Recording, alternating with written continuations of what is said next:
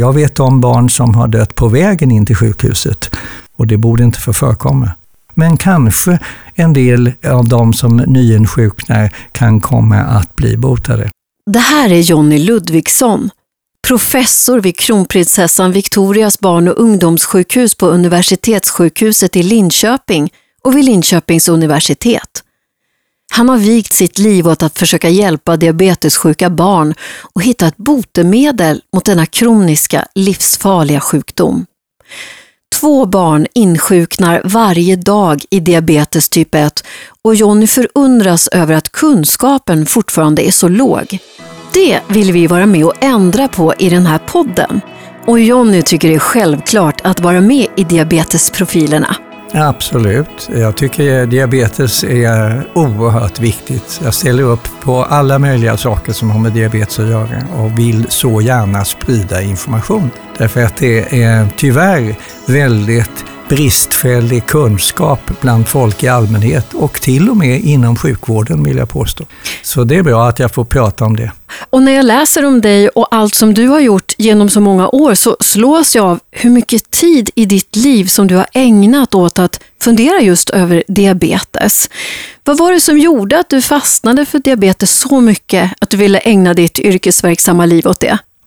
Ja, alltså egentligen började jag eh, redan i mitten av 60-talet med forskning inom diabetesområdet. Mer experimentell forskning, men det, det var nog lite slumpartat eh, beroende på den institution jag började på.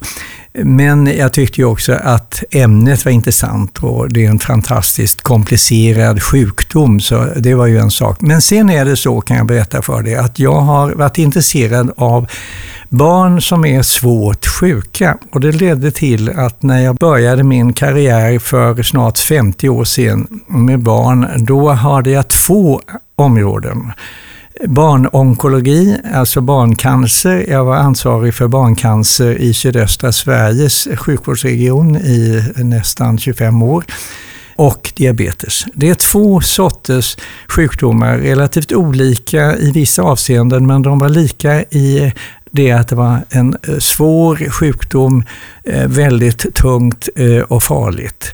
Och jag var med om en fantastisk utveckling på barncancersidan. Där vi från att i början på 70-talet eh, haft en mycket hög dödlighet lärde oss på 10, 15, 20 år att bota de flesta. Eh, inte alla, men de flesta lärde vi oss att bota vissa cancersjukdomar i hög utsträckning. Eh, men eh, på diabetessidan blev det bättre, men vi lärde oss aldrig att bota. Eh, och faktiskt tyvärr eh, så lärde vi oss ju inte, vi vet ju fortfarande inte vad det beror på. Knappast alls egentligen. Vi kan ha goda idéer. Vi kan inte förebygga. Vi kan inte bota någon i stort sett alls och vi har fortfarande en väldigt tung komplicerad behandling med komplikationer, ökad dödlighet och så vidare. Så att successivt eh, övergav jag barncancerområdet i mitten på 90-talet eller tidigt 90-tal, men jag har hela tiden fortsatt med diabetes. Och diabetes har varit mitt huvudsakliga forskningsområde. Men jobbar du bara med diabetes typ 1? Ja, det kan man säga av det skälet att det händer, men det är ovanligt att barn eller ungdomar får typ 2 i Sverige. Det har jag haft en och annan patient, men det är ju väldigt ovanligt. Och sen finns det faktiskt ovanliga fåglar när det inte är typ 1-diabetes. Alltså ett barn kan få diabetes på grund av någon sorts mutation. Det finns vissa genetiska mutationer. Men de är också mycket ovanliga. Så i praktiken är det ju så att 98 procent av alla patienterna har ju typ 1-diabetes. Mm. Så är det. Du är ju en dignitet på diabetes typ 1 och har ju faktiskt grundat Barndiabetesfonden också. Ja, det har jag. Jag grundade Barncancerföreningen i sydöstra Sverige som en av de eh, föreningar som ligger till grund för eh, Barncancerfonden. Eh, och jag var ju väldigt aktiv inom barncancerområdet när Barncancerfonden bildades 1982. Under den tiden var jag mycket aktiv i Svenska Diabetesförbundet också och, och hade eller ungdomsläger och pratade vid eh, deras möten och så vidare. Det som jag tyckte då på 80-talet det var att medan man eh, arbetade oerhört aktivt för att få in forskningsmedel på cancersidan så hände det inte så mycket på diabetessidan. Och därför så tänkte jag i, i slutet på 80-talet, det gick ju så bra med Barncancerfonden, det borde ju gå riktigt, riktigt bra med Barndiabetesfonden. Så då grundade jag Barndiabetesfonden när jag fick en chans januari 1989. Eh, det får man väl säga är bra. Eh, det har inte alls på långa vägar haft det genomslag. Det har inte alls varit så framgångsrikt som man ser om man jämför med cancer. Jag noterade att eh, 340 miljoner kom det in 2015 till Barncancerfonden och 10 miljoner 2016 till Barndiabetesfonden. Det är en enorm skillnad. Eh, men känner du det som ett misslyckande nej, då? Ja, det kan man väl delvis säga att det har varit väldigt svårt att få fram ett budskap som berör människor. För att om de förstod att typ 1-diabetes hos barn och ungdomar är tre gånger vanligare än alla tumörer och blod och cancersjukdomar tillsammans per år som insjuknar, plus att ingen blir frisk när det gäller typ 1-diabetes medan 80 procent botas i barncancer och en hel del tyvärr dör i ung ålder. Inte som barn, det är ovanligt, men i ung vuxen ålder av typ 1-diabetes som de fick som barn. Om människor hade förstått det, då skulle ju Barndiabetesfonden kanske inte fått in 300 miljoner, men åtminstone 50 miljoner eller 100 miljoner. Så lite besviken får man väl vara, men samtidigt så får vi vara nöjda att det har vuxit. Det har ändå medfört en ökad kunskap, vi får ut information och dessutom så har under tiden även Svenska Diabetesförbundets forskningsfond, Diabetesfonden, ökat betydligt och fått mycket större aktivitet. Och det är ju bra, för då blir det ännu mer kraft och ännu mer pengar till forskning, för det behövs. Va? Så att eh, jag är både nöjd och en aning besviken. Men mest nöjd, självklart. Man måste se framåt. Mm. Men du, jag funderar över när själva insjuknandet sker. Kan man födas med diabetes? Ja, det kan man göra faktiskt. Men diabetes i nyföddhetsperioden förekommer, men det är väldigt ovanligt och det, det händer att det är övergående. Det finns eh, neonatal transient diabetes, alltså övergående diabetes, men det är, det är mycket ovanligt.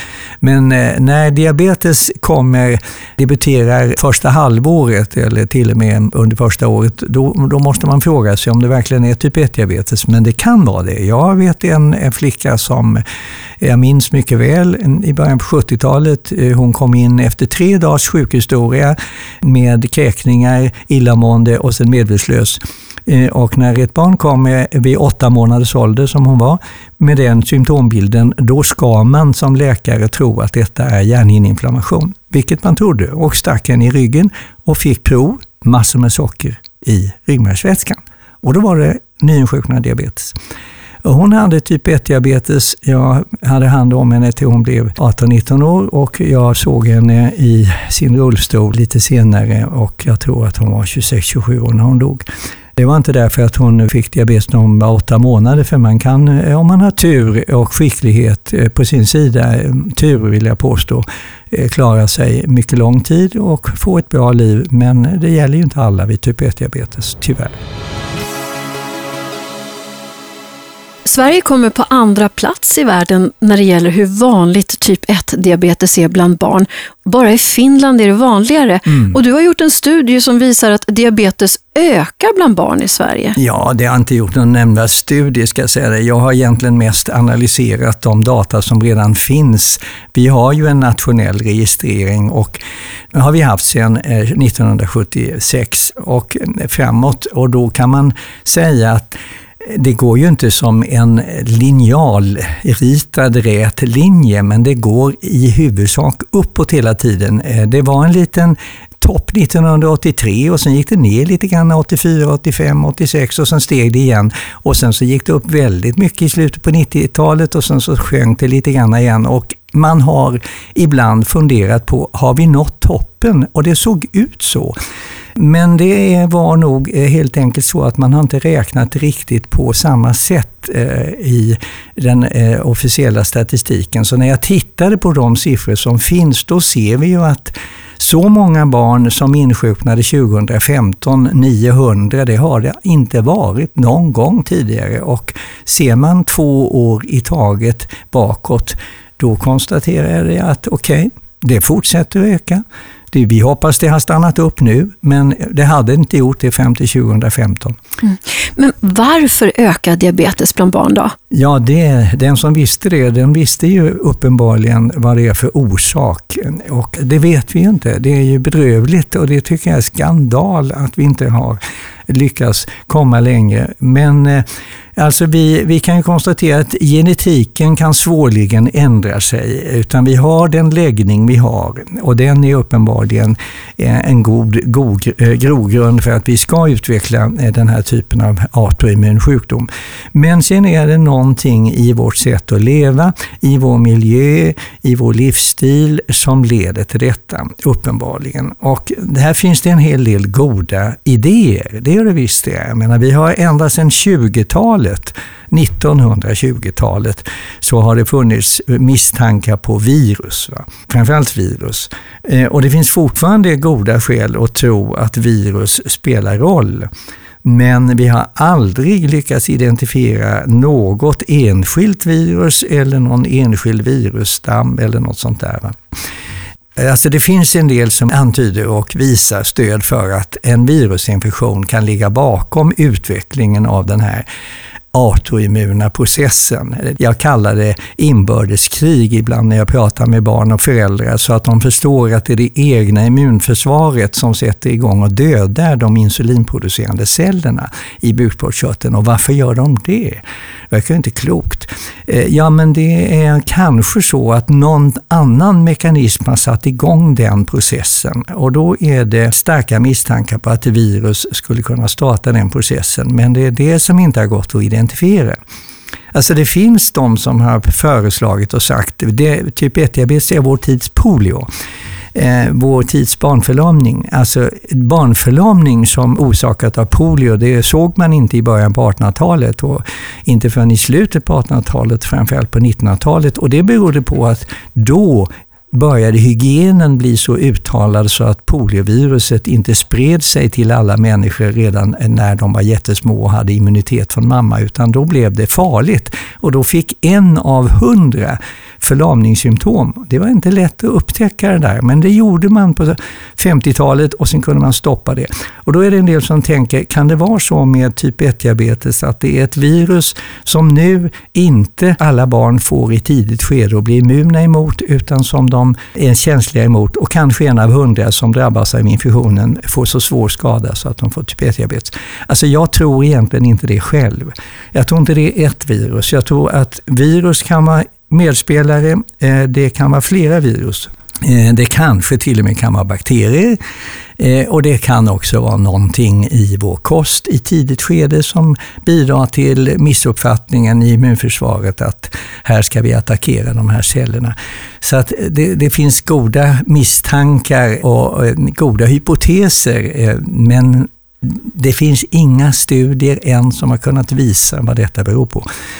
Det gör det tyvärr inte och därför kan vi ju inte heller förebygga. Men du, jag kan inte släppa det här.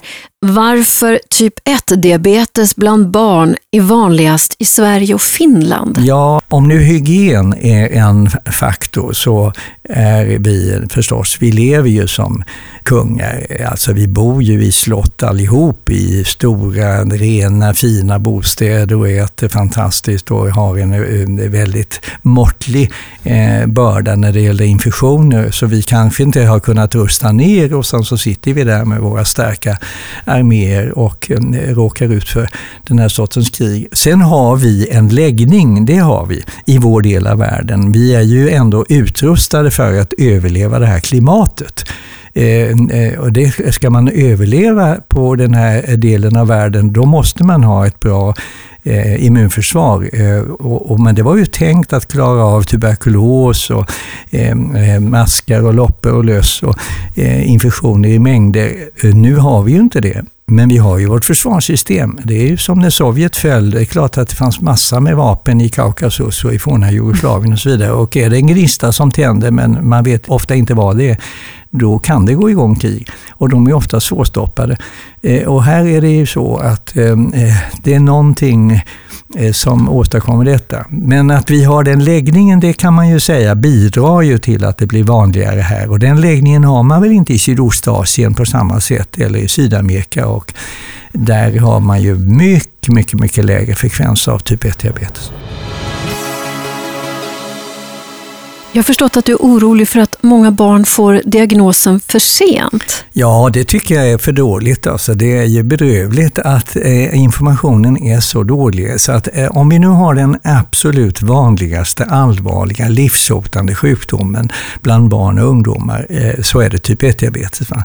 Det är mycket, mycket vanligare än svår astma eller epilepsi eller vad du vill. Alltså det, det finns ingenting att jämföra på det viset. Och ändå så är det som om befolkningen inte insåg att när ett barn börjar bli törstig, kissa mycket, kanske kissa på sig om det är mindre barn, eh, trötta, inte sig lika och så vidare, då, eh, då ska de ju misstänka diabetes och söka för det. Va? Och även inom sjukvården tycks man inte riktigt inse det. Och där har vi ju sett exempel på att man tycks blanda ihop typ 1 och typ 2-diabetes och det tycker inte jag om.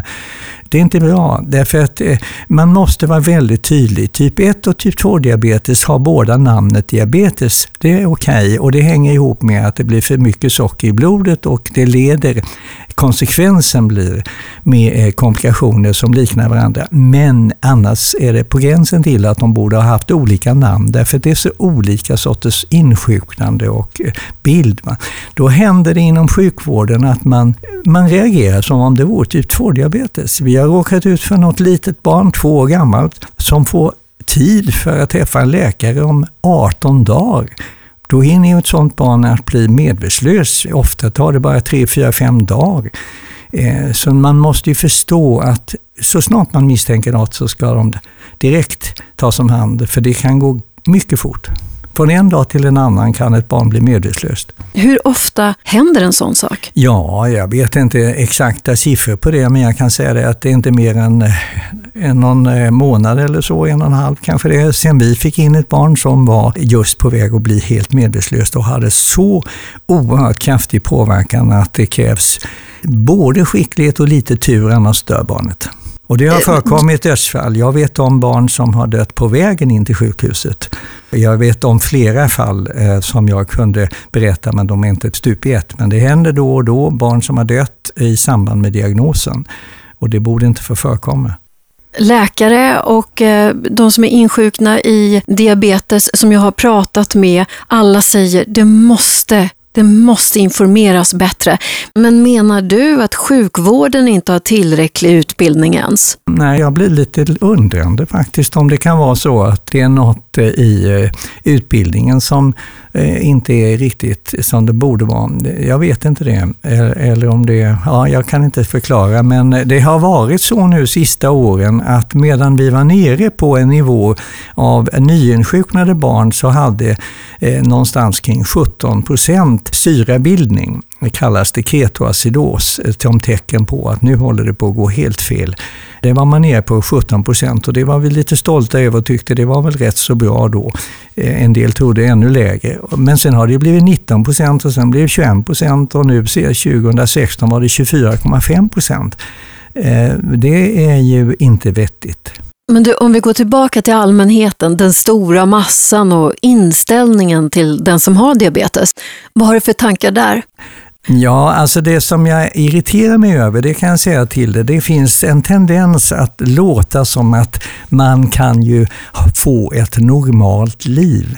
Det ogillar jag att man säger det, för det är ingen som har riktigt normalt liv, men det är absolut inte normalt att behöva tillföra sig insulin, varken med pump eller med en pennor eller injektioner. Det är inte normalt att kontrollera sitt blodsocker hela tiden. Det är inte normalt att anpassa insulindoser till måltider. Det är inte normalt att tänka på hur mycket kolhydrater man har. Det är inte normalt att få känningar. Det är inte normalt att råka ut för komplikationer. Det är inget normalt liv, men det kan bli ett långt, fint, spännande, härligt, lyckligt liv om man lyckas med behandlingen. Det gör de flesta fantastiskt bra. Jag är imponerad över de flesta barn, ungdomar och familjer. Men alla klarar inte detta och det kan vi inte acceptera. I och med den här podden så har jag pratat med många kunniga människor, mm. inklusive andra läkare mm. och människor då såklart som lider av diabetes typ 1 och 2. Mm. Och ingen utav de som jag har pratat med tror att det kommer komma ett botemedel. Men du jobbar aktivt för att hitta ett botemedel. Ja, det, alltså, om man verkligen trodde att det inte går, då kunde man ju säga det att okej, okay, då ger vi väl upp då och lägger ner den typen av forskning. Nej, så lätt ger vi oss inte. Alltså, så sa man ju med eh, cancer också i början på 70-talet. Eh, de dog ju allihop nästan. Det är klart att man måste fullständigt ge sig katten på att hitta ett sätt och det tror jag ska gå. Men varför tror du så annorlunda mot så många andra i branschen? Nej, men tro och tro. Jag är, tillhör de som är optimister och jag har inte tänkt att ge mig.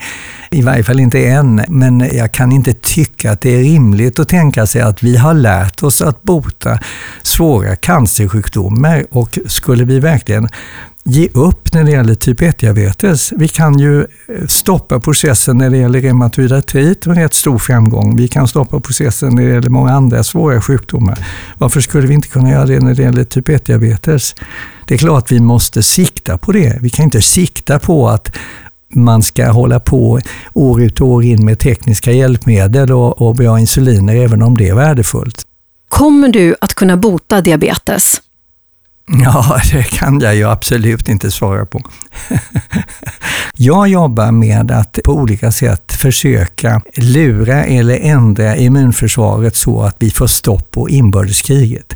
Och jag tror att om man kunde hitta en modell som inte är så farlig så att man kan få stopp på det kriget, då är det möjligt att det finns kvar egna insulinproducerande celler som faktiskt kan nybildas och öka i antal. Och skulle det kunna hända, ja då skulle ju de successivt bli bättre och bättre på att bilda insulin och komma upp över ytan. Då skulle de ju bli botade. Alltså sen kan man ju bota med transplantationer, det vet vi ju, men det är, är, väldigt, väldigt svårt och än så länge finns det ju inga sådana förutsättningar för att vi kan ju inte transplantera med annat än celler som har fått från hjärndöda människor, de är ju väldigt få. Plus att det krävs tung behandling eftersom inbördeskriget pågår och de cellerna tenderar att dödas. Men vi måste lösa det och jag arbetar för egen del med eh, olika metoder. Jag har varit inblandad i sådana försök ända sedan 70-talet. Det vi har gjort under senare år det är att vi har sagt oss att om man på allergisidan kan skapa tolerans emot det allergen som individen reagerar emot och då är det kanske då katt eller björk eller hund eller något sånt där. Då har man ju lärt sig att sprutar man det under skinnet i små doser, då kan vederbörande successivt bli tolerant. Och sen så reagerar inte immunförsvaret och då har vi tänkt, kan man inte göra något sånt när det gäller en autoimmun sjukdom? Och då vet vi ju att immunförsvaret reagerar emot exempelvis GAD som jag har arbetat mycket med. Eh, det står för glutaminsyredekarboxylas. Det är ett enzym i hjärnan egentligen, men det finns också i öarna, i Langanska öarna. Och eh, sprutar man det under skinnet i jätteliten dos så har vi ju kunnat visa att det har effekt. Det påverkar immunförsvaret och vi bevarar en viss del av den egna insulinsektionen längre tid. Men det går inte tillräckligt bra. Det ser med eh, stor sannolikhet ut som att vi har effekt. Det visar, om inte annat, en, en stor sammanställning gjord av alla studier, att med 98% sannolikhet så har vi effekt, men den är otillräcklig. Och då har jag nu under senaste åren börjat med ett mycket radikalt sätt. Och det är att helt enkelt, istället för att spruta eh, några miljondels gram under skinnet och sen vänta att de spejarna där, eh, stora eh, vita blodkroppar, ska ta hand om detta och transportera det vidare till lymfkörtlarna där det ska presenteras för det jag kallar officerarna, T-celler eh, som styr immunförsvaret så har vi sagt okej, okay, vi sprutar rakt in i officersmässan har jag sagt, kallar det. Alltså vi sprutar rakt in i lymfkörteln. Och vi har gjort det på några stycken patienter. Och det är en pilotstudie med få patienter så det går absolut inte att vara säker på att detta står sig, men det har sett lovande ut. Det har sett lovande ut. Vi har sprutat fyra miljondels gram av det här ämnet som immunförsvaret reagerar emot med en månads mellanrum vid tre tillfällen direkt in i lymfkörtel i ljumsken och det har varit en påtaglig förändring av immunförsvaret och på de patienterna, flera av dem, har vi sett en till synes imponerande effekt när det gäller att bevara kvarvarande insulinsektion. Så nu ska vi göra en stor studie faktiskt med 80 patienter på det traditionella sättet, dubbelblind, randomiserad kallas det och så vidare. Eh, en del får aktiv behandling och en del får inte utan att vi vet vem som får vad och se om det här funkar. För om det fungerar då har vi ett steg i rätt riktning. Jag tror inte det är slutliga resultatet, lösningen på problemet, utan då har vi i alla fall ett steg upp. Och sen kan vi börja och fundera på hur ska vi kombinera med andra saker? Ska vi kombinera med andra antigen? Ska vi addera någon ytterligare medicinering? Eh, det finns mediciner som har väldigt god effekt vid reumatoid artrit och vid inflammatorisk tarmsjukdom. Vi kanske ska kombinera med något sånt. Och då kanske vi successivt kommer att kunna stoppa processen på en del. Och blir vi bättre och bättre och bättre och bättre så kanske vi stoppar processen på fler och fler. Och kanske vi råkar ut för, vilket jag eh, vid Gud hoppas, att det finns individer som fångas tidigt, som har rätt mycket kvar av sin insulinsektion, där kriget stannar upp, den autoimmuna processen eh, dämpas helt och de går tillbaka och bildar mer och mer insulin. Och då blir de botade. Men du, när kommer diabetes att kunna botas? Ja, det är du. Den som visste det, den visste mycket. Jag har, brukar säga till mina barn, håller jag på att säga, eller de jag har träffat, det har jag sagt nu i, i, i decennier, att innan jag fyller 100 år, då ska vi bota typ 1-diabetes. Nu är de ju optimister när de ser mig. Du ser inte mig, men såg du mig då skulle du säga det. Men det måste vara ganska snart. Nej. men, men, så är det. Men eh, vi vet inte det. Det kan man aldrig veta förrän efteråt. Men det kanske tar 10 år, det kanske tar 7 år eller det kanske tar 20 år. Det vet jag inte. Men jag tillhör optimisterna. Jag vill vara med om att kunna bota, kanske inte alla, framförallt inte de som har haft diabetes lång tid redan, men kanske en del av de som nyinsjuknar kan komma att bli botade. Skulle man kunna tänka sig att i framtiden så finns det ett vaccin mot diabetes ja, det... som alla barn erbjuds i en viss ålder? Ja, alltså det är ju också en möjlighet givetvis. Om det vore så att man finge reda på exempelvis att eh, det är ett visst eller några virus som är särskilt benägna att leda till typ 1-diabetes, då skulle man ju vaccinera mot det då. Och då skulle man ju förebygga. Och det vore ju särskilt värdefullt givetvis, för då skulle de ju överhuvudtaget aldrig hamna i det här eländet. Va? Och då kanske vi kunde vända kurvan så att den istället för att nu ligga så här högt gick ner till den nivån igen som vi hade på 70-talet eller 80-talet och det är ju fantastiskt. Men du, jag hoppas att du kommer komma fram till en lösning på det här innan du fyller 100 år. Ja, det hoppas jag också. Antingen jag eller någon annan. Huvudsaken är att det blir bättre för barnen och ungdomarna och vuxna med för den delen. För väldigt många vuxna får typ 1-diabetes, sannolikt minst lika många eller fler än barn och ungdomar. Så det gäller dem också. Tusen tack för att du ville vara med i Diabetesprofilerna. Mm, tack ska du ha själv. Vad trevligt.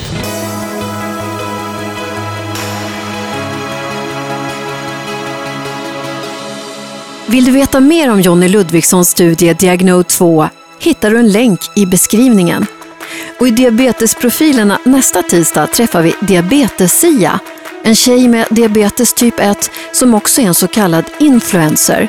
Hon berättar sin historia om hur det är att leva med diabetes och vad hon gör för att sprida kunskap. Hoppas vi hörs då.